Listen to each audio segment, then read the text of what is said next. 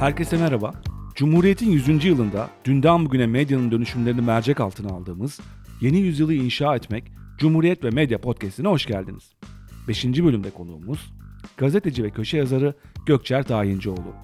Bu bölümde yakın tarihte postmodern darbe diye anılan ve 1997 yılında yaşanan 28 Şubat sürecini irdeliyoruz. Medya, sancılı geçen 80 darbesinin ardından bir süre büyük bir baskı altında kalmış, daha sonra Özallı yılların özelleştirme furyası ile medya dışı sermaye ile tanışmıştı. Ancak bu dönem medyanın devlet baskısından uzaklaşıp bu kez de sermayenin kontrolü altına girmesiyle sonuçlanmıştı.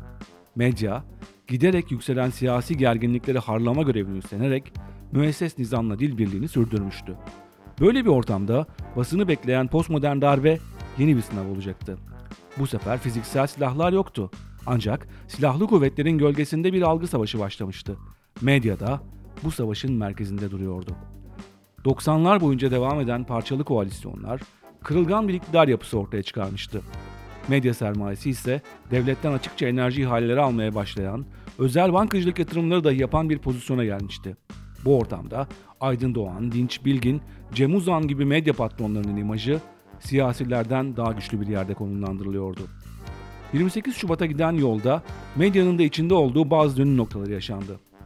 Erbakan'ın Libya gezisi ve burada Kaddafi ile yaşadıkları, bir anda ortaya çıkan Azimendiler grubu, Susurluk kazası sonrası Refah Partisi'nin takındığı tutum, Erbakan'ın tarikat liderlerine başbakanlıkta verdiği yemek, Sincan belgesinin düzenlediği Kudüs gecesi.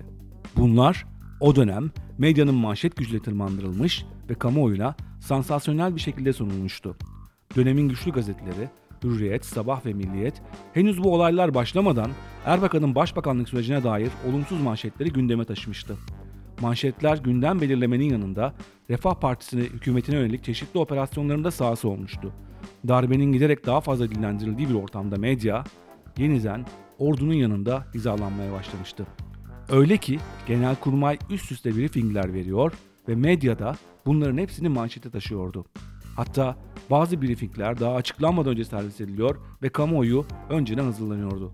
Hürriyet gibi büyük gazeteler Genelkurmay Başkanlığı'na atfen attıkları gerekirse silah bile kullanırız manşetleriyle darbe tehdidini açıkça dile getiriyordu. O dönemin yayın yönetmenleri daha sonra bu gazetecilik anlayışından utanç diye bahsedecekti. Necmettin Erbakan 28 Şubat kararlarının ardından 5 ay dayanabilecek ve medyanın genelkurmay çizgisinde yürüttüğü büyük operasyonlar sonucu istifa edecekti. Cumhurbaşkanı Demirel'in yeni hükümeti kurması için Mesut Yılmaz'ı görevlendirmesiyle medyanın 28 Şubat operasyonundaki rolü bitecekti. Medya, günümüz Türkiye'sine giden yolların taşlarını belki de kendi sonunu getirme pahasına döşemişti. Bu dönemden sonra tamamen teslim olmaya doğru dönüşü olmayan bir yola girilecekti. Merhabalar, hoş geldiniz Gökçer Bey. Ee, bugün e, Cumhuriyet ve Medya podcastimizde 28 e, Şubat süreci ve sonrasında yaşananları konuşacağız. Şimdi o zaman direkt e, ilk soruyla giriyorum ben. 28 Şubat dönemi başta olmak üzere tüm 90'lar boyunca parçalı iktidar yapıları vardı. Siz de hatırlıyorsunuzdur. Yani koalisyonlar yüzünden siyasi iktidar şimdiki gibi tek parça değildi ve e, şimdiki kadar güçlü de değildi doğal olarak. Bu yüzden medya bugünküne göre daha güçlüydü diyebilir miyiz? Yoksa bu bir yanılsama mı? Çünkü özellikle orduyla ilişkileri düşününce orada da başka bir güç odağı var. Ama her şeye rağmen e, o günlerde medya bugünkünden daha güçlüydü ve daha gazetecilik çizgisine yakın duruyordu denilebilir mi sizce? Evrensel anlamda gazetecilik çizgisine daha yakın duruyordu ama hani o güç e, ya şöyle ele alırsak çok doğru olmaz zannediyorum. Yani o liberal öğretideki gibi işte dördüncü kuvvet medya gibi değil. E, işte 80'lerden itibaren aslında o neoliberal etkilerle bu holding medyalarının e, doğması, e, arkasında çok güçlü holding yapılarının olması, koalisyon hükümeti dönemlerinde de bu holdinglerin iktidarın bir parçasıyla anlaşamıyorsa bir diğer parçasıyla işbirliği yapabilmesi ve işlerini sürdürebilmesi yaşamlarını kolaylaştırıyordu. Gazeteciler açısından bakarsak bu holdinglerin finansal olarak çok güçlü olması e, bir biçimde gazetecileri özgürleştiriyordu. Ama o özgürleştirme sadece hani gazetecilik pahalı bir iştir. E, doğal olarak burada da para var. E, gazeteciler de bu nedenle rahatça gazetecilik yapıyorlar diye ele alınamaz. Yani dönemin gazetelerine baktığımızda okuma alışkanlıklarının da çok farklı olduğunu görüyoruz. Yani Milliyet'in e, o dönemin ana akım gazetelerinden Milliyet'in 1 milyon sattığı, Hürriyet'in Sabah'ın 901 milyon bandını zorladığı, e, gazetelerin çok etkili olduğu, rekabetin çok güçlü olduğu bir dönemden bahsediyoruz. E, e, doğal olarak her ne kadar e, gazeteciler aslında aşama aşama işte sendikal haklarını kaybetmiş olsalar da 90'ların sonuna doğru kadrolar biraz daha küçülmeye başlasa da ülkenin darboğaza sürüklenmesiyle o holding yapısının güçlü olması artı o kurum verdiği güç gazetecileri özgürleştiriyordu. Bir de koalisyon yapısı hani e, 2002'den bu yana e, o dönemde doğan gençler yani e, 90'ların sonundan itibaren başka türlü bir iktidar görmediklerinden e, koalisyon yapılarında zaten e, doğası gereği aslında hani e, şimdiki Cumhur İttifakı, Millet İttifakı gibi birbirine entegre yapılar değil. Aslında birbirine benzemeyen yapıların bir araya gelerek iktidar olmaya çalıştıkları bir dönem. E, doğal olarak birini eleştirdiğinizde bir diğeri bunu onaylayabiliyordu. E, o siyasi rekabet de sürüyordu.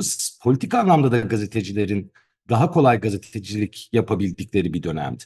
Ama elbette e, e, işte o dönemin konjonktürü, Refah Partisi'nin yükselmesi, buna karşılık ordunun 12 e, Eylül'ün ardından yeniden dişlerini gösterir bir hale gelmesi Türkiye'yi bir uçurma doğru sürükledi. Evet. Hakikaten orada o dönemde medya gazetecilere bazı fırsatlar da sunuyordu. Şimdikine nazaran daha gazeteciliğin yapılacağı boşluklar oluşturuyordu bu aradaki parçalı yapı bence de. E, öyleyse şuradan devam edelim. Bugün 28 Şubat kadar geriye dönük konuşulmasa da e, o dönem Susurluk kazası ve ardından yaşananlarla çok büyük bir sarsıntı yaratmıştı. Gazetecilik e, Susurluk kazasını aktarma ve gündemde tutma açısından nasıl bir sınav vermişti sizde? O, o dönem ciddi bir kamuoyu oluştuğunu hatırlıyorum ben. Yani çok gençtim. E, ama yine de hepimizin evde ışıklarımızı söndürmeye kadar yani saat belli bir saatte saat 21'de e, öyle bir kampanya vardı. E, sürekli aydınlık için bir dakika karanlık gibi öyle bir kamuoyu yaratılmıştı. Burada susurluk sürecinde özellikle basın elinden geleni yaptı diyebilir miyiz 28 Şubat e, öncesinde konuşmak istersek bunda? Bence fazlasıyla yaptı. Yani o dönemin arşivini bir karıştırırsak e, bir de şöyle e, tasfiye edilmiş ekiplerden bahsetmiyoruz. Aktif olarak hükümette bakanlık yapan isimlerin istifa etmek zorunda kaldığı, mecliste iktidar partisinin komisyon kurulmasına, koalisyon ortaklarının komisyon kurulmasına rıza göstermek zorunda kaldığı, Başbakanlık Teftiş Kurulu'nun harekete geçmek zorunda kaldığı bir dönemden bahsediyoruz ve o dönemi e, hakikaten ilmek ilmek açığa çıkmasını sağlayan şey medya ve siyasetteki birkaç önemli aktördür. Onlar da çok fazla çalışmıştır. E, ve şundan geri durmak da söz konusu olmuyordu. Benim e, mesleğe yeni başladığım döneme denk geliyor. E, hakikaten e, o dönem o araştırmacı gazeteciliği yapan insanları hem de cesaretlerini ve bugün susurluk çetesi dediğimizde biraz tasfiye olmuş, yaşı geçmiş, e, işte artık sistemin içinde yer almayan insanlardan bahsediyor gibiyiz ama aktif olarak bu insanlar en güçlü çağlarını yaşıyorlardı e, gazetecilerin tehdit edildiği, o tehdide rağmen görevlerini yaptıkları ki 90'lar faili meçhullerle meşhur, meşhurdur biliyorsunuz. E, evet. Hakikaten e, Türkiye basın tarihinde övgüyle bahsedilmesi gereken bir dönemdir. Yani orada e, 28 Şubat baskısı şu bu da çok fazla engel olamıyordu. Yani Yüksekova çetesi dediğiniz şey ya da JITEM dediğiniz şey askerle doğrudan ilgiliydi. Susurluğun bir başka ayağı olarak. Ama JITEM'in Yok denilen jitemin açığa çıkması da gazeteciler sayesindeydi. Yüksekova çetesinin de açığa çıkması, faaliyetlerinin konu edilebilmesi gazeteciler sayesindeydi. Ee, üstelik de bütün bunları gazeteciler bir mafya babasının e, hükümette ters düştüğü için çıkıp açıklama yapmasından öğrenmiyordu. Araştırmacı gazetecilik sonucunda dosyaları karıştırarak, arşivleri bularak, tanıklara ulaşarak o gazeteciliği yap yapıyorlardı e, bence çok özlenmesi ve iyi anılması gereken bir dönemdir. Evet. Yani nasıl gündemde tutulduysa ben yani o dönem kaç yaşındaydım? Ee, işte daha 20 yaşında bile değildim ama e, kamyonun Susurluk kazasındaki kamyonun plakasını hatırlıyorum. Şu anda siz konuşurken aklıma geldi 20 RC 721. Yani o kadar e, plakasını bugün anımsayacak kadar gündemde tutulmuş o dönem genç bir çocuğun bakış açısından bile e, onu görebilmişiz. E, onu da ilave etmeyi istedim buraya. Hı hı. E, şimdi 28 Şubat'a giden süreçte ben bunu kendi kitabımda da detaylı olarak yazmıştım. Özellikle Gülseren Adaklı'nın kitabından yararlanarak. E, bu dönemde bir enerji ihaleleri konusu var 28 Şubat öncesinde. İşte MGK kararlarıyla uyum içinde olan medyanın perspektifinden bakınca Çukurova ve, Ke Kepez Elektrik İşletmeleri Uzan grubuna, Bursa Yalova bölgesi TGRT'ye, Kırklareli Şov'a, Samsun Ordu Sinop ATV'ye, Trabzon, Rize, Artvin ve İstanbul'un Avrupa yakası Doğan grubuna, Çatalazı Termik Santrali Sine Antalya, Adana, Mersin, Hatay Star'a veriliyor. Ee, bu enerji ihalelerinde. Bu tabii bir çabayı ortaya çıkartıyor. Bu medyanın ve ona hakim sermayenin tüm taraflarını memnun etme girişimi olarak okunabilir belki. O günlerde bu e, normalleşmiş miydi? Yani bu çok normal görülen bir yapı mıydı? E, ve bugünden bakınca medya sermaye ilişkileri açısında bu manzara nasıl görünüyor? Daha masum mu kalıyor? Ama o günlerde daha çok e, onu merak ediyorum. Nasıl işleniyordu acaba bu konular? Ya şöyle aslında e, bizim basının hazin halini anlayabilmek için çarpıcı bir örnek söyledikleriniz. Yani şimdi bugünden baktığımızda o gün yapılan gazeteciliği özlüyoruz. Ama şu, biraz önceki hani, susurluk sorusuna da ek olacak biçimde burada hani holding medyasıyla birlikte gazetecilere en büyük gücü veren şeyin okur desteği olduğunu tekrar altını çizmek isterim. Yani e, işte o dönem tam da susurluk döneminde yeni kurulan Radikal Gazetesi bir anda 500-600 bin tirajlara ulaşabiliyordu susurluk yayınları sayesinde. İnsanların böyle bir e, okuma alışkanlığı ve ilgisi vardı. Tabii kaynaklar da bu kadar çeşitli değildi o dönem. Bir kere bir bunu unutmamak lazım zannediyorum. Çünkü okur e, gazeteciyi ne tür baskı araçları olursa olsun özgürleştiren şey. Ne kadar büyük okur desteği alırsanız iktidarlar da diğer baskı araçları da sizden o kadar çekiniyorlar. E, ama o e, sizin sorunuza gelecek hani e, holdinglere göre, çeşitliliğe göre bakarak ihaleler şuna bir kere şöyle bir absürt görüntü vardı zaten. Yani e, medyada o kadar cazip duruyordu ki bir kere bir holdingin medyası varsa bu iktidarla yakın ilişki kurabilmek anlamına geliyordu. E, işte buna kesişik olarak e, medyası olan holdingler birer tane banka sahibi oluyorlardı mutlaka. Hepsinin bir bankası oldu. E, buna paralel olarak da e, işte enerji santralleri, barajlar, şunlar bunlar e, paralel olarak ilerliyordu. Zaten muhtemelen hani geriye baktığımızda galiba en çok zorlananlar o dönem e, ekonomi muhabirleridir bence, siyaset bile değil. E, çünkü e, bir biçimde hani onlar da işlerini çok iyi yapıyorlardı ama e, gene yanlış anlaşılan bir şey var. Yani ben mesela o dönem e, hiçbir muhabire doğrudan şu konuyu yazma, şu konuya girme denildiğini anımsamıyorum gazeteciler açısından bakarsak. Ee, ama şunla karşılaşırsınız tabii. Yani hiç bilmediğiniz netameli bir alana giriyorsunuzdur. Sizin içinde bulunduğunuz medya o alanda bir ihale kovalıyordur, başka bir şey yapıyordur. O haberler girmez gazeteye. Yani muhabire yazma demeye gerek de yoktur. O baskıyı kurmaya gerek yoktur. Yani tepede 2-3 kişinin bilmesi yeterlidir bunları halledebilmek için. O ilişkileri kurabilmek için de yeterlidir zaten. İşte zaten hazin olan şu ki biz bu çarpık yapıyı e, yani e, bir işte 60'lardan itibaren hani siz çok daha iyi bilirsiniz. Hani Türkiye'de gazeteci medyası vardır aslında. Yani gazeteci e, gazete patronlarından sonra başka iş yapan patronlar sektöre girer. E, yani biz bunun olmaması gerektiğini anlatmaya çalışırken o dönem genç gazeteciler olarak da işte örgütlenmeye, başka türlü bir medya mümkün demeye.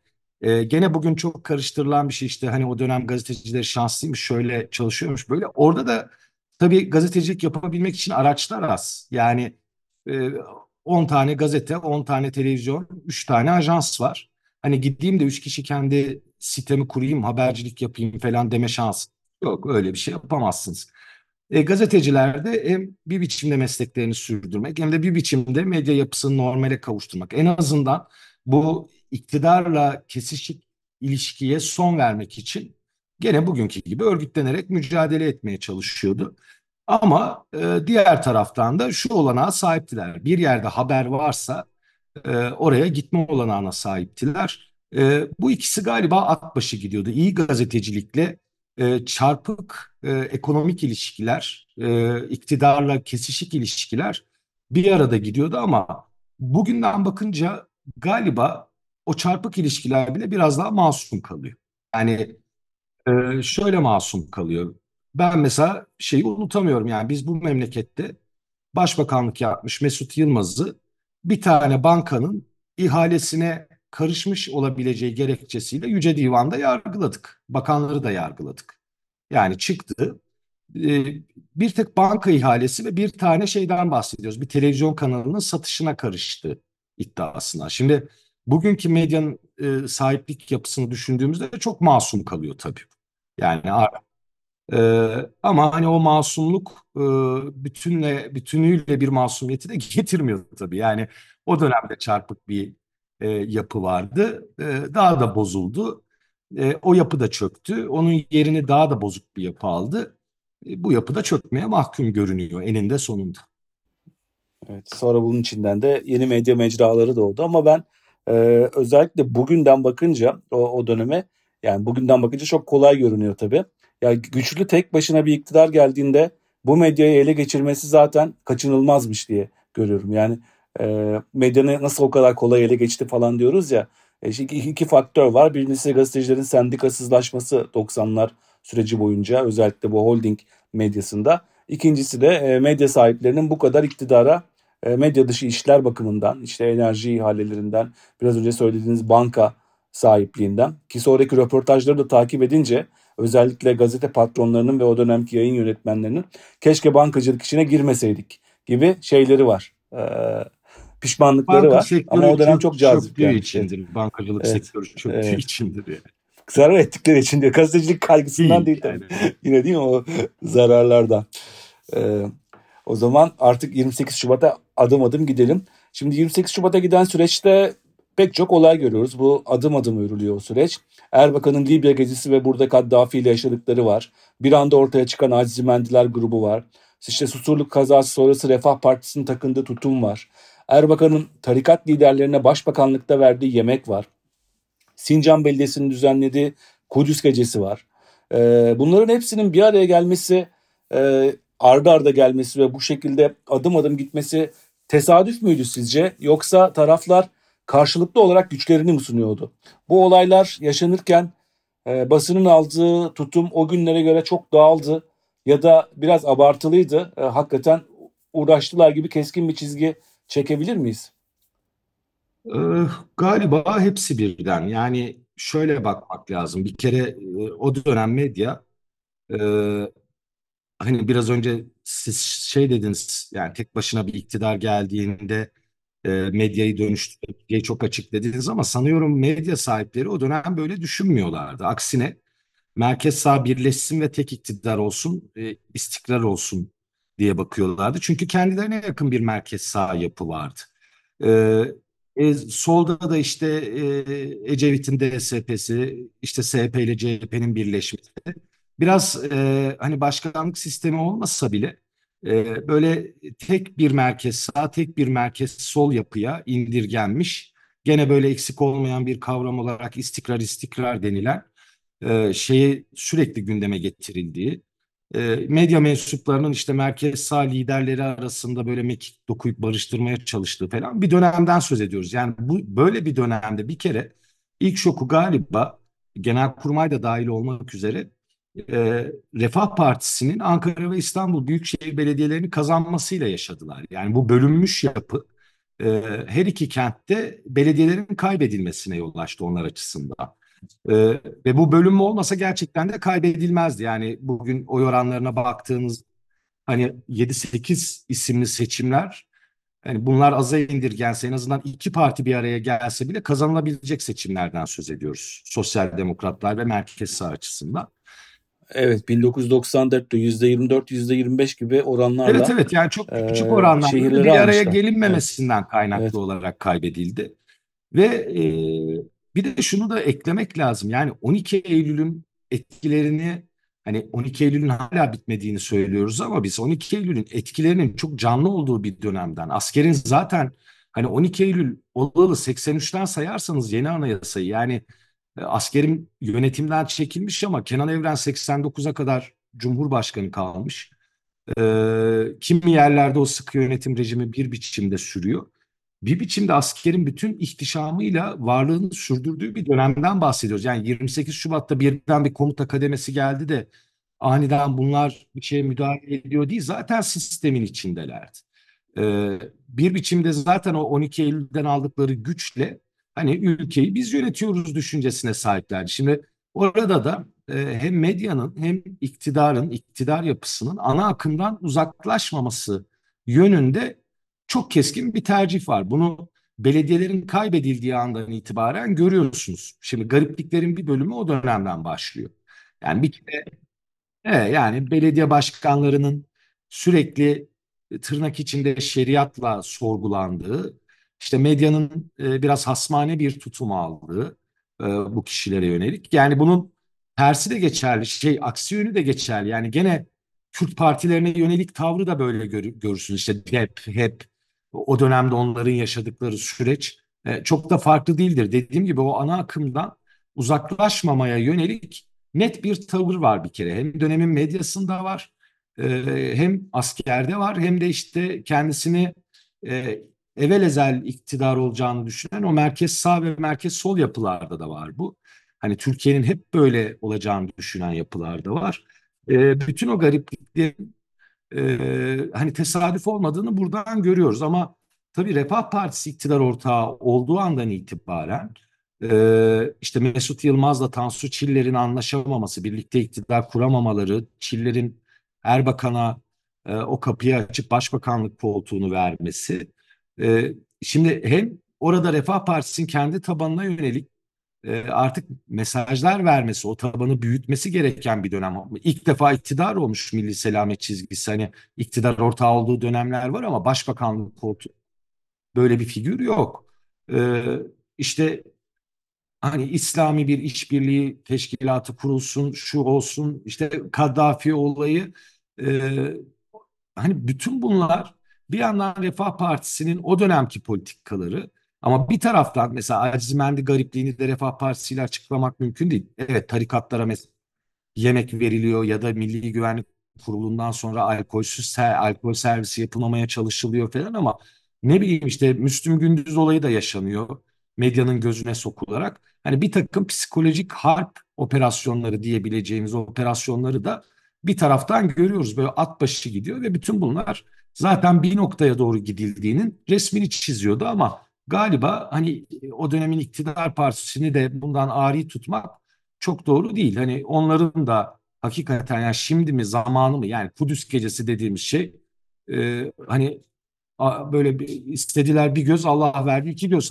şeyi gibi durumu gibi yani e, yani zaten bir yere gidiyor ülke bunu görüyorsunuz. Ee, ve medyada zaten e, orada iktidardan yana değil, askerin söylediğinden yana tutum almaya başlamıştı. Baştan bu yana, ta 94'ten bu yana. E, o garipliklerde bütün herkesin gözüne fazlaca sokuluyordu. Bir şeyler normalleştirilmeye çalışılıyordu. Olacak bazı şeyler normalleştirilmeye çalışılıyordu. Şimdi e, o dönemi araştıran akademisyenler için de benim gibi araştırıp kitap yazanlar için de bir kolaylık var. E, o dönem e, gündemi manşetler belirliyor e, gün gün manşetlere bakarak, manşetleri gazeteler arasında karşılaştırarak e, iyi bir değerlendirme yapıyoruz. O yüzden e, daha şanslıyız. E, 28 Şubat süre, süreci boyunca e, o günün ana akım medyasının manşetlerine baktığımda ben hep bir fikir birliği var. Hürriyeti, Milliyeti, Sabahı, tek mili birden böyle uyarı temalı başlıklar atıyor. Adeta ordunun ağzından konuşan manşetler bunlar. Yani bir paşa bir açıklama yapıyor. Hemen e, o e, bazen tırnak içine bile koyulmadan manşeti taşınıyor.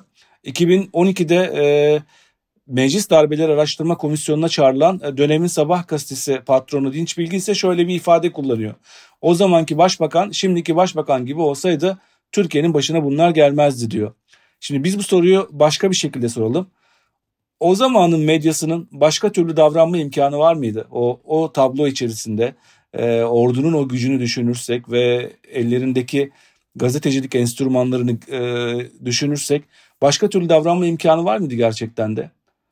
Bence mutlaka vardı. Yani şöyle vardı. Şimdi benim de yüksek lisans tezim askeri darbeler öncesi ve sonrası medya özgürlüğüdür. Ee, ben de e, Türkiye'deki askeri darbelerin e, olduğu dönemde medya taraması çokça yapmış biriyim. Ee, maalesef bizde şöyle geçilmez yani özellikle ana akım medya için bu darbe ve sıkı yönetim dönemleri çok kötü sınav dönemleridir.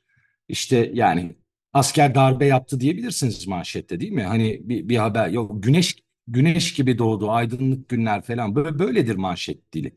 Yani e, daha nesnel bir yerde durmak mümkünken e, şimdi şeyi de ayırt etmek gerekir. Hani gazeteciliği bu olağanüstü dönemlerde nasıl yapacaksınız? Bir, bir, bir tarafta bir baskı var sürekli olarak. Şimdi bir baskı ortamında yani darbenin eli kulağında denirken gazeteciler gazetecilik yapabilir mi? Yapabilir. Ee, bir komutanın açıklaması haber midir? Haberdir. Yani o sizin biraz önceki tırnak içi bunuz önemli. Elbette ki komutanın açıklamasını vereceksiniz. Hani bugün de olağanüstü bir şey olsa veririz. Ee, ama onunla kalmıyor. Yani onların işini yapmaya soyunan gazeteciler var. Yani uyarıyı asker yapmadan ben yapayım diye. Ee, işte komik komik yerlerden başlıklar çıkartan. Ee, işte ne bileyim hani Mande Mandela'ya hakaret etmekten futbolcu konuşturmaya falan varan böyle bir garip garip garip, garip eğilimler var. Şimdi bunu Aa, baskı altındaydık da ondan yaptık demek çok masumane değil. O dönem sadece gazetecilik yapma arzusunda olanlar da var. Askerle çok arası iyi olmasına rağmen. Yani gidip de bir mesaj taşımak yerine askerin söylediği şeyi biz neyi bekleriz gazeteciden? Çok temel olan şey bilgiyi kendine saklamamasıdır. Yani edindiği bilgiyi eğer daha sonra kullanılacak bir bilgi değilse edindiği bilgiyi vermesidir. Çok temel gazetecilik kuralı olarak. Şimdi hani üst düzey komutanla görüşüyorsanız ve bir mesaj veriyorsa elbette bunu aktarırsınız. Bunda bir sakınca yok. İktidar partisi de buna karşı bir mesaj veriyorsa bunu da aktarırsınız. Gazetecinin görevi budur zaten. Ama maalesef e, e, askerin yerine mesaj verme, onun e, şeyine soyunma, onun sözcülüğüne soyunma, kraldan çok kralcılık. Bütün bunlar tabii ki yapılmayabilirdi. Yani gönüllü olarak yapılan çok eylem var maalesef. Maalesef. Şimdi tanklar yürüyor. İşte medya bunu çok doğal karşılıyor. İşte o dönemin popüler figürleri biraz önce siz de söylediniz. Bir beş, örneğin Beşiktaş'ın ünlü futbolcusu Daniel Amokachi diyor ki İslam en güzel din ama istismar ediliyor. Bu hürriyetin manşetinde çıkıyor. Yani Evet, Amokachi evet, konuşturuluyor. İslam en güzel din ama istismar ediliyor diye bir şey söylüyor bir anda. Ee, çok alakasız bir yerden. Ee, Her gazetenin ayrı bir komutanı paylaşıp onların sözlerine dönüşümlü bir manşette çıkarma gayreti var. Tamamen o sanki gündemi ordu belirliyormuş gibi bir akış. Ee, ama sonradan tabii seçim sonuçları bir şeyler gösterdi ama e, bunun halkta karşılığı var mıydı acaba o dönem? Yani halk e, bu bu gazeteciliğe karşı bir e, tepki gösteriyor muydu? Ya da medyadaki sesini arıyor muydu? E, o dönem medyada da e, bunu takip eden çatlak sesler var mıydı? Bir e, ışık sızan yerler var mıydı diye e, daha açık Yani söyleyeyim. e, gazetecilik yapmaya gayret eden, görece özerk alanlar oluşturan e, gazeteciler ve hani ana akım olamazsa da biraz daha nesnel çizgide gazetecilik yapmaya gayret edenler elbette vardı. Her dönem var. O dönemde de vardı. Hani askerden gelen bir müdahaleyi antidemokratik bulanlar da vardı. E, ama dediğim gibi şunu da ayırt etmek gerekiyor. Hakikaten bugün şu anda Kara Kuvvetleri Komutanı çıksa ve uyarı mahiyetinde bir şey söylese bu haber midir? Haberdir. Yani bir gazeteciye de son dakika çıkar. Haberdir. Ee, yani orada gariplik orada değil.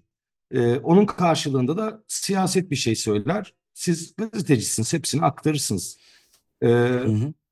Gariplik apolet takanlarda yani gönüllü olarak yani mesela bugün şey eleştiriliyor briefinglere giden gazeteciler. Yani şimdi bugün çağrılsa gitmeyecek mi briefing? Yani e, şey, orada yargının gitmesini eleştirirsiniz. Basın gider. Basın her yere gider. Yani biz bugün akreditasyon uygulanmasını eleştiriyoruz. Çünkü Cumhurbaşkanlığı programını izlemek ve soru sormak istiyoruz yani. Ama sorulamayan soru varsa onun hesabını sormalısınız. Neden sormadım bu soruyu? Şimdi e, hani bir döneme bakarken de galiba bütün yönleriyle bakmak lazım. İşte zaten komiklik şuradaydı. İşte bir tane futbolcunun İslam diniyle ilgili görüşünün ne önemi var? Yani hani bunu nasıl çekiyor? Çok komik komik şeyler yani e, aynı şey gibi yani ya Türkiye'nin biraz değişmez bir kaderi yani çok daha komik şeyler de böyle hatırlıyorum hakikaten. Yani ahlak dersi verenler, din dersi verenler, bilmem ne yapanlar. Ama buna karşı gazetecilikte ısrar edenler de vardı. Ben onları yok saymayı da biraz ya da sadece hani gene ana akımda çalışıp da e, hiç gazetecilik yapmıyormuş gibi davranılmasını da adilane bulmuyorum. Yani o yapının içinde kalıp Tabii da çok gençtim. Ben hani kendimi bu tartışmaların parçası olarak saymıyorum ama hani o dönem kıdemli sayılan aktör olarak gösterilen gazetecilerin bir bölümü de bunda ısrar ediyordu. Zaten bunların deşifre edilmesinin sağlanması sadece böyle içerik analizlerle değil, yani sıcağı sıcağına da eleştirilebilmesiyle de ilgiliydi. Yani e, onların da hakkını vermek lazım. Yani bugün nasıl antidemokratik uygulamalara direnen gazeteciler varsa o gün de hem gazetecilik yapıp hem direnenler vardı. Ama maalesef e, her şey çok normalleşmiş. Yani hani okur tepkisi ben anımsamıyorum açıkçası. E, muhtemelen Evet. gene e, buna tepki gösteren kesimler görünmez sayıldığı içindir. Bugün de bazı şeylere tepkisi hı. gösteren görünmez sayılması gibi. E, Evet. yani sokağa çıkan da e, hak savunan da antidemokratik şeyleri protesto edenler de biraz görünmez oldukları, buharlaştırıldıkları içindir muhtemelen. Ama hı. böyle aktif e, galiba hani gazetecilerin e, şey e, gazetelerin o dönemki medya e, kurumlarının şeyi de e, takipçileri de e, çok da hoşnutsuz değildi sanırım ki e, bütün bunlar yapılabildi diye de düşünüyor bir tarafım tabii yani. Çark dönüyordu tabii gazete okuyan kitle için. Mesela şu anda da en büyük yanılgı e, Türkiye'deki bütün seslerin e, sosyal medyaya yansıyan sesler olduğu sanılması. Yani Twitter'ı özellikle bir araştırma sanki verisi gibi değerlendirme altına alma. Halbuki orada sadece sesini çıkaranlar var. Sesini çıkarmayanlar, e, sesini çıkarmak istemeyenler, gizli kalmak isteyenler e, her zaman e, sosyal medyanın dışında kalabiliyor ve bu araştırmaları bile yanıltan bir e, sonuç veriyor zaman zaman. E, İşte o dönemde muhtemelen sessizler var.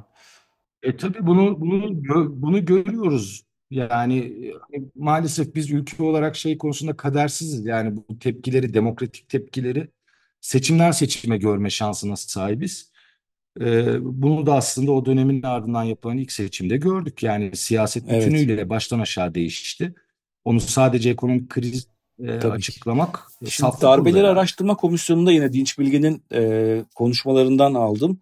E, o dönem e, diyor ki o dönem Doğan grubu ANAP'ı ANAP'ı biz de DYP'yi yani Çiller'i destekliyorduk diyerek bir özet yapıyor. Yani pozisyon alma konusunda. Siz yeni her ne kadar yeni başlamış olsanız da bir gazeteci olarak haber odasında, haber yazımında, e, haberlerin seçiminde bunun gündelik haber pratiğine yansımasını hissediyor muydunuz? Hissediyorsanız nasıl hissediyordunuz o şey içerisinde? Yani benim çalıştığım grup burayı destekliyormuş gibi bir ön bilginiz var mıydı sizin de bir gazeteci olarak? E, o ön bilgiye ihtiyaç duymazsınız. Yani kimse bunu tutup da muhabirlere arkadaş bizim pozisyonumuz şu ve böyle Evet, pozisyon alıyoruz demez. Ama iki türlü bunu evet. zaten hissediyorsunuz. Birincisi e, hani manşetlerin dokusu, cümlelerin kullanımı, e, bir şeyi nasıl spotladınız, nasıl başlık attınız. Ertesi gün hepimiz gazete okuyoruz ve görüyoruz yani grubun tutumunu. Bir de aslında şöyle sır değil.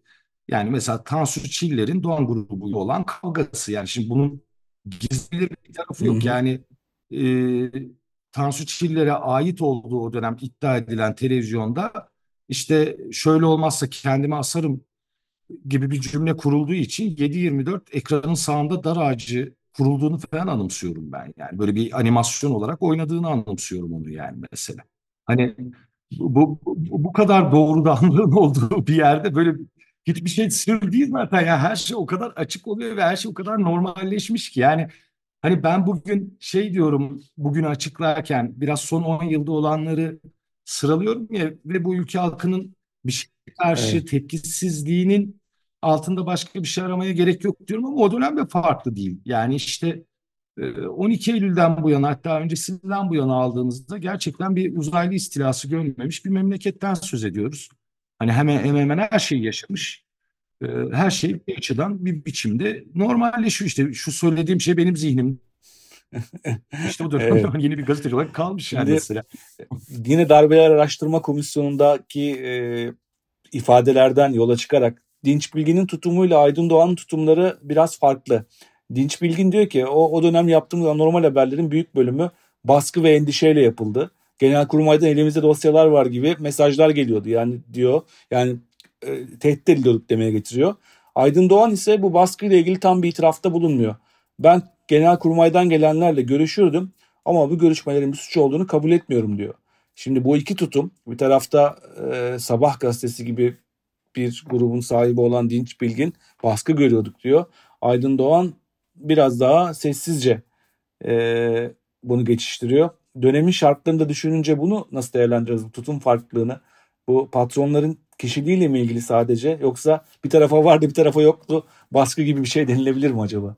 Yok yani eminim Aydın Bey de hani bazı şeyleri baskı olarak adlandırıyordur bir biçimde ama e, Aydın Doğan'ın açıkçası hani 12 Eylül döneminden bu yana medya patronluğu konusunda biraz daha ustalaşmış olabileceğini düşünüyorum. E, hani büyük medya yönetimi konusunda. E, e, yani bir de şimdi e, hakikaten mesela Aydın Doğan medyasında e, yani işte gene Türkiye'nin hazin yapısı o dönem işte kartel medyası Aydın Doğan gitsin denirken Aydın Doğan medyadan çıktığında medya çöktü Türkiye'de. Evet şu anda diyoruz Yani, ki keşke o dönemki e, merkez medya olsa. Evet keşke o dönemki merkez medya olsa falan işte. Hani bir bu, birileri gelse de bunu böyle yapsa falan noktasına geliyor. Ee, ya ama işte ikisinin de iyi olmadığını kişilerden, isimlerden bağımsız ama askerin baskı yaptığı, e, imzasız e, metinleri haber merkezlerine gönderdiği, yayınlanmak üzere. E, çeşitli dosyalar yaptı. Şimdi bir de orada bilmediğimiz şeyler de olabilir. Yani hani Dinç Bilgin onu söylerken ona hangi dosyayla tehdit ettiler ben bilmiyorum. E, yani hani birebir iki tarafa da aynı şeylerle, aynı malzemelerle gitmemiş de olabilirler ama biraz karşılayış biçimi, biraz heyecan biçimiyle de alakası var. Orada şöyle bir şey de var tabii. Biraz önceki şeyle birleştiriyorum. Yani Schiller'i ve DYP'yi destekliyorsanız Refah Partisi'nin paydaşını da destekliyorsunuzdur. Ve asker için orası daha sert yönelilecek bir alan. Yani e, Refah Partisi'ne doğal olarak DYP'ye olan destek asker için daha sert karşılanacak bir şey. E, bunun yansıması da olabilir diye akıl Doğru. Yani bir- iki, tarafında desteklediği tarafa bakarsak daha açık görülüyor gerçekten. E, şimdi dönemin yayın yönetmenleriyle sonradan yapılan işte hem röportajlarda hem bir takım e, işte meclis komisyonlarındaki falan e, şeyin üzerine birleşmişler. E, Andış haberinden de başlayarak o dönemin gazetecinin utanç verici bir şey olduğu üzerinde birleşmişler. Ertuğrul Özkök diyor ki olağan olmayan birçok şeyin olduğunu bugün inkar edecek değiliz. O dönem dolduruşa geldik pişmanım diyor. Yine Sabah gazetesinin başındaki Zafer Mutlu da 28 Şubat'ın savunulacak hiçbir tarafı yoktur. Basının da yanlışları olmuştur. Evet 28 Şubat, Şubat sürecinde yanlışlarımız oldu.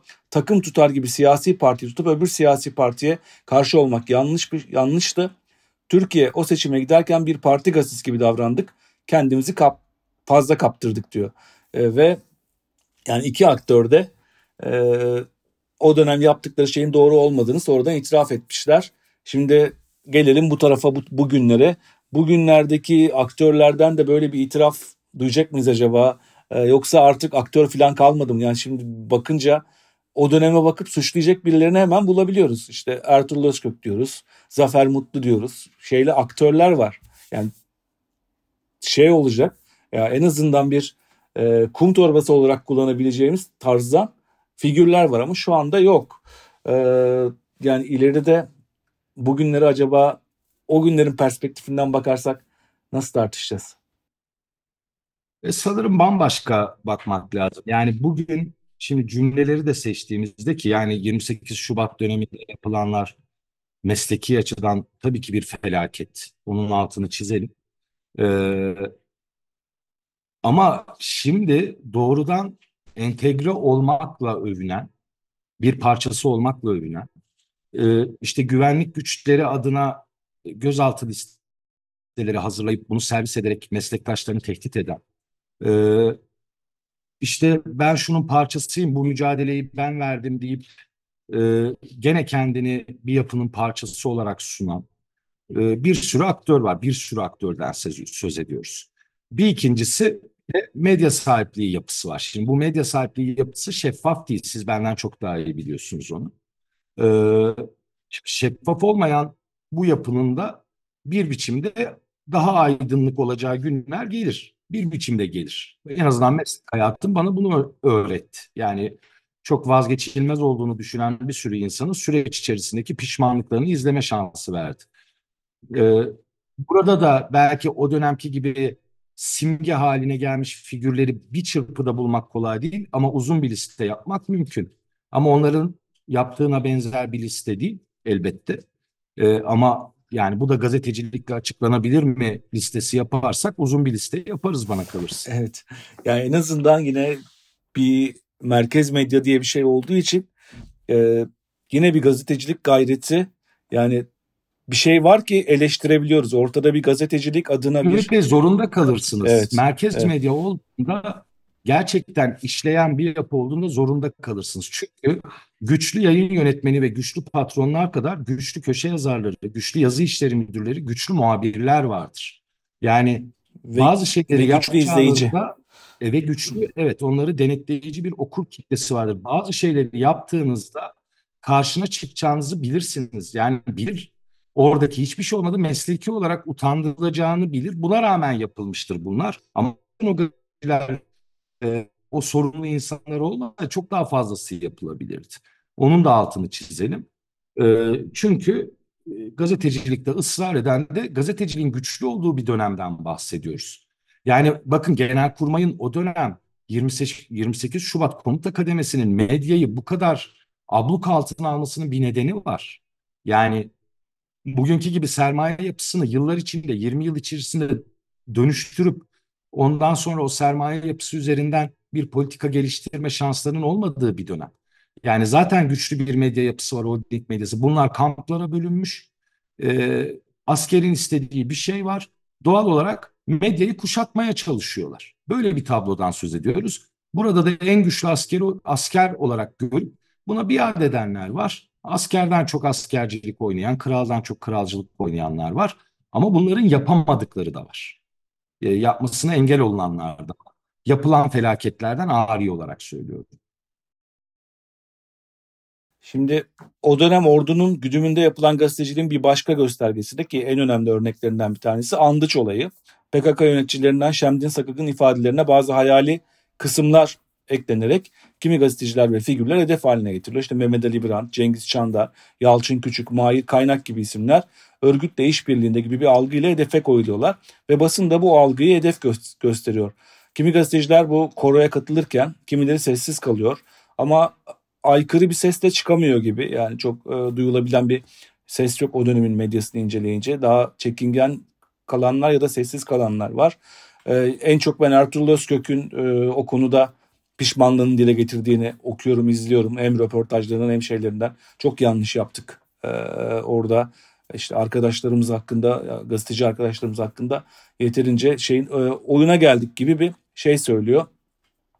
E, gerçi onu öyle yapmayabilirdik diyor Ertuğrul Özkök ama ben bir kere de size sorayım. O dönem medya buna direnme şansı var mıydı? Yani şeyden genelkurmaydan böyle bir dosya geldiğinde e, hayır ben bunu sorgulayacağım, gazetecilik ölçülerinde araştıracağım ve bu andıcı haber yapmayacağım deme. Yani bugün e, bazı gazetelerin böyle bir lüksü yok. Özellikle yandaş medya dediğimiz ya da bir tarafta olduğunu düşündüğümüz medya e, bazı dosyalar geldiğinde zaten sorgulama gibi bir refleks yok. Ama o gün en azından bir merkez medya olduğunu düşünürsek bir refleks gösterilebilir miydi Andıç'ta? Elbette gösterilebilirdi. Hatta yani bugün de gösterilemez tezine katılmıyorum galiba. Yani gazeteciler açısından konuşuyorum. Yani bir medya patronu hayır arkadaş bunu bu şekilde yayınlayacaksın deyip e, yayınlatacak birkaç kişiyi de bulabilir. Yani o kişileri çalıştırabilir ama daha altta bu dosyayı alan, eden gazetecilerin hiç böyle bir mecburiyetleri yok.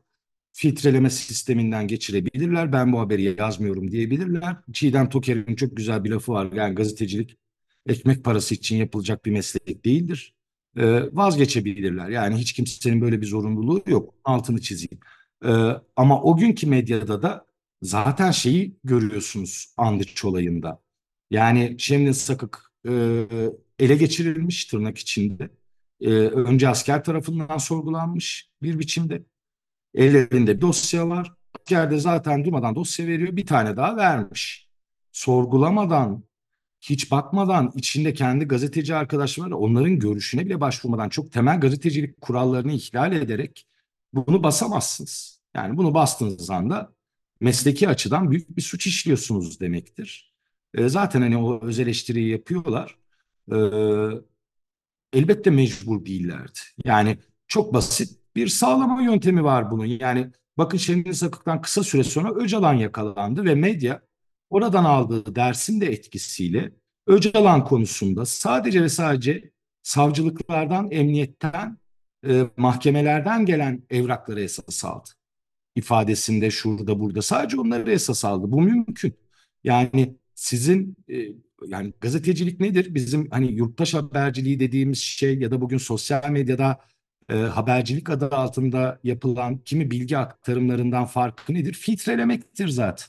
Yani bir biçim filtre mekanizmasıdır, teyit mekanizmasıdır. Bütün bunları en temel haberde bile işletmek zorundayken bu kadar kritik bir haberdi.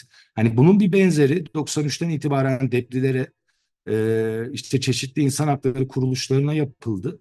Onun sonucunda akın bir dalı vurdular. Yani hani vurdular. Yani bunun nasıl bir felaketle sonuçlanabileceğini görüyoruz ki o dönemde bu ismi geçen gazetecilere yönelik çok ciddi ölüm tehditleri geldi. Ee, ve e, hani direkten döndüklerini de biliyoruz aslında.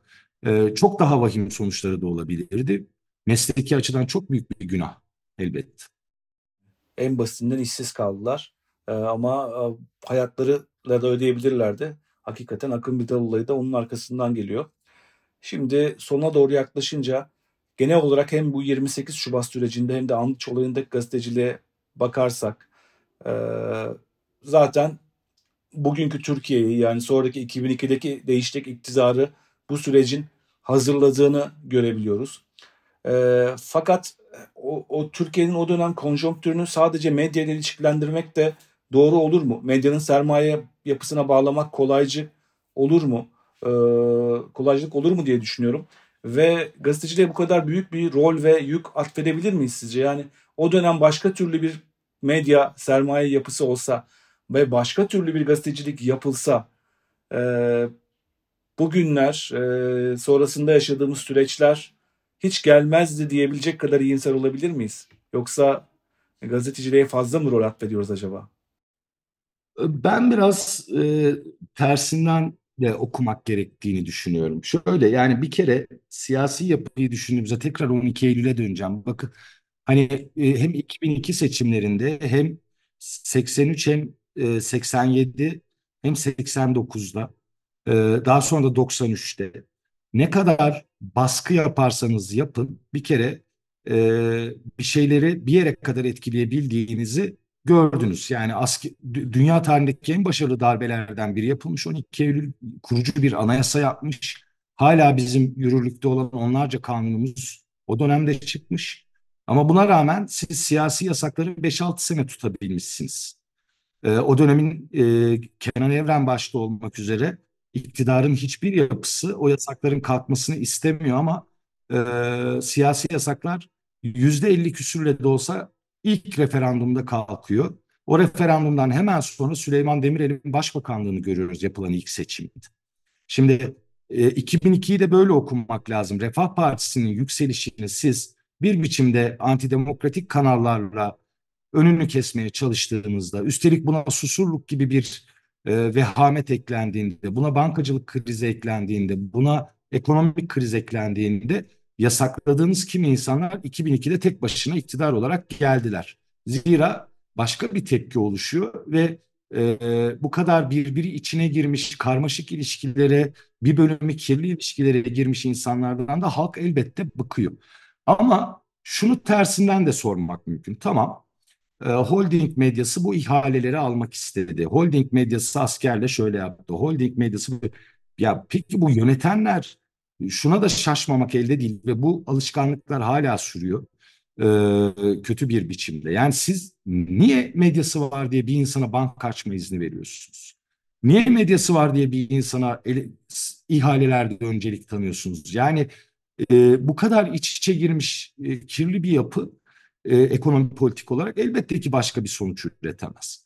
E, elbette ki çürümeye doğru topluca gidersiniz. Hani bunun daha beterini de yaşıyoruz zaten. İşte görüyoruz artık her şeyin normalleştiği, e, yolsuzluğun yolsuzluk sayılmadığı ve önemsenmediği o günlerde gene önemseniyordu bir ölçüde.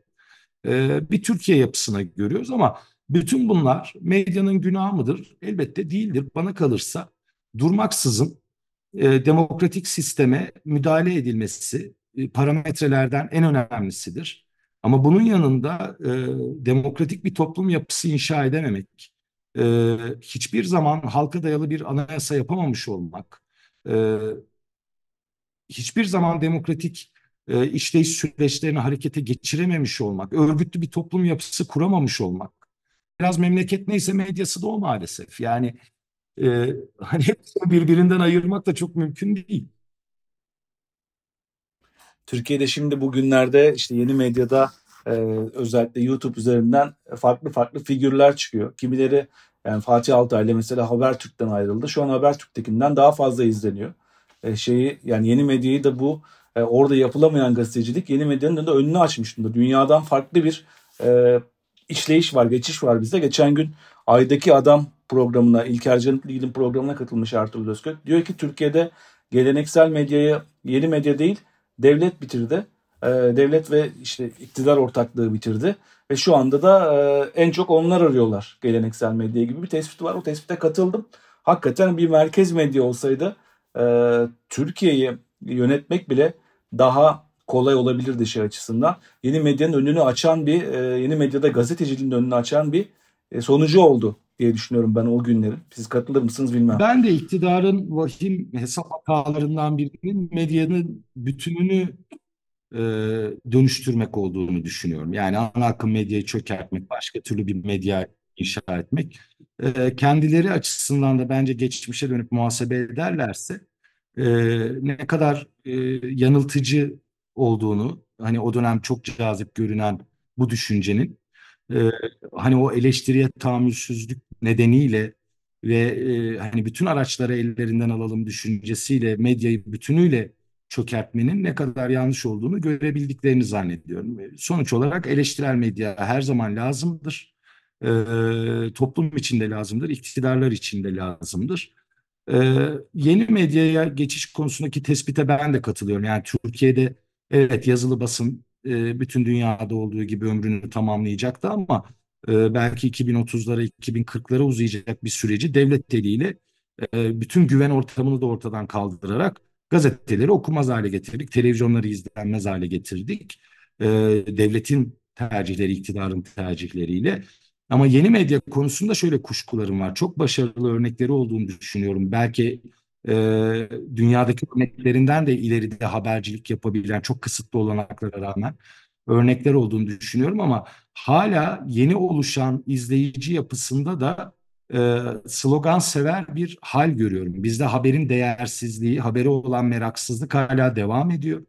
Haberi değerli kılmadığımız sürece yeni bir medya, e, ana akım medya inşa etmemiz mümkün değil. Yani bu e, muhalif kanallarda iktidardan çok farklı tırnak içinde zaten muhalif kanal olur mu? Yani e, çok farklı bir sınav vermiyorlar. Biraz Türk'ün Türkiye propagandası halinde programlar. E, habere yatırım yapılmaması, ha, güçsüz haber merkezleri.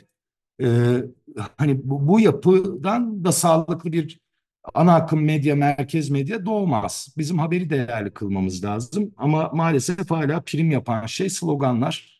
E, kimsenin başka bir düşünceye duymaya tahammülü de kalmamış durumda. O yüzden kim onun istediği gibi konuşuyorsa özellikle sosyal medyada kullanıcılar oraya doğru akın akın gidiyorlar. E, hala habere haber üretenlere yatırım e, şey görülüyor yani e, kimse okuduğu haber için para harcamak istemiyor. E, bu Türkiye'nin çok kötü, kadim bir alışkanlığı maalesef.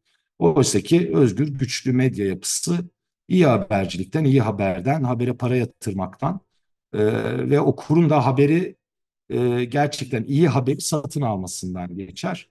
Umarım o yapıya erişiriz. Çok da hani bunu söylememe rağmen umutsuz değilim. Olumlu örneklerimiz de var çünkü. Evet yavaş yavaş ilerliyoruz işte. Zaten 28 Şubat sürecindeki e, medya, andıç sürecindeki medya la bugünkü medya arasındaki e, o dönemin medyasıyla bugünkü medyası arasındaki en büyük fark e, artık e, sizin de söylediğiniz gibi okurun e, bedel ödememesi ve artık şey okur bedel ödemeyince haberciliğe e, medya grupları da ya da medya sahipleri de e, bir sorumluluk hissetmiyorlar şeye karşı. E, parayı kimin e, para nereden geliyorsa oraya doğru bir yöneliş oluyor. Bunu da yavaş yavaş göreceğiz. O dönem ne kadar eleştirsek de şu anda işte 28 Şubat'ta yapılan gazeteciliği e, sonrasında e, geçilen süreçleri e, o dönemde bu yayınlardan sonra insanlar işte Mesut Yılmaz örneğinde olduğu gibi Yüce Divan'a gidebiliyorlardı.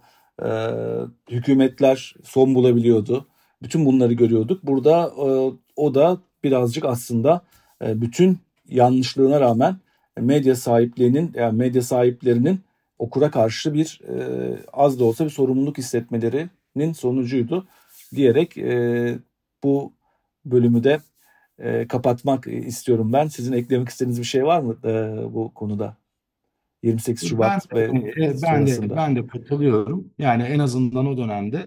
Yani şey kıyasını çok sağlıklı bulmuyorum. 28 Şubat bu kadar kötüydü. Şimdiki daha da kötü e, değil. Yani o o gün sağlıklı o da yapıya, kötüydü. evet. Evet, o yani dönüştürebilseydik bugünkü yapı olmazdı. Dönüştüremedik. Gazeteciler olarak dönüştüremedik. Ama şunu söyleyebiliriz. Yani kimse dolar 30 lira olduğunda işte dörtte bir dolar şu kadar diye haber yapamazdı tabii yani. Yani zama zam dersiniz. Yani her şeyi azıyla çağırırsınız. Onu biraz özlüyorum. Tabii. Zam değil güncelleme güncelleme e, şeyler yok biraz yani, daha evet. evet belli konularda haberciliğin e, yaşatılabildiği bir dönemde yine ama umutlarımız var tabii ki. Şunu eklemek ee, isterim ama Ümit Bey. Galiba benim tabii. E, şimdi hani bu cümleyi kurarken düşündüm. Yani o günkü sermaye yapısının, o gün atılan başlıkların, e, o günkü e, işte bu asker yanlılığının açıklanabilir, izah edilebilir bir tarafı yok e, iktidar sermaye ilişkisinin izah edilebilir bir tarafı yok ama galiba gazeteci gazeteci itirazı kısmını önemsiyorum. Yani bugün e, görece güçlü kurumlarda merkez medya tanımına uymasa da görece güçlü kurumlarda çalışan meslektaşların da itirazsız bir biçimde hemen her şeyi kabul edebilmesi benim biraz e, kanıma dokunan şeylerden biri galiba. En çok özlediğim şey bu olabilir yani. Evet. Teşekkür ediyoruz o zaman katıldığınız için. Ee, güzel bir sohbet oldu. Her ne kadar e, güzel olmayan bir dönemi konuşuyor olsak da en azından e, iki dönem arasındaki farkları da inceleme fırsatı bulduk. Teşekkürler tekrar. Ben teşekkür ederim. Çok sağ olun.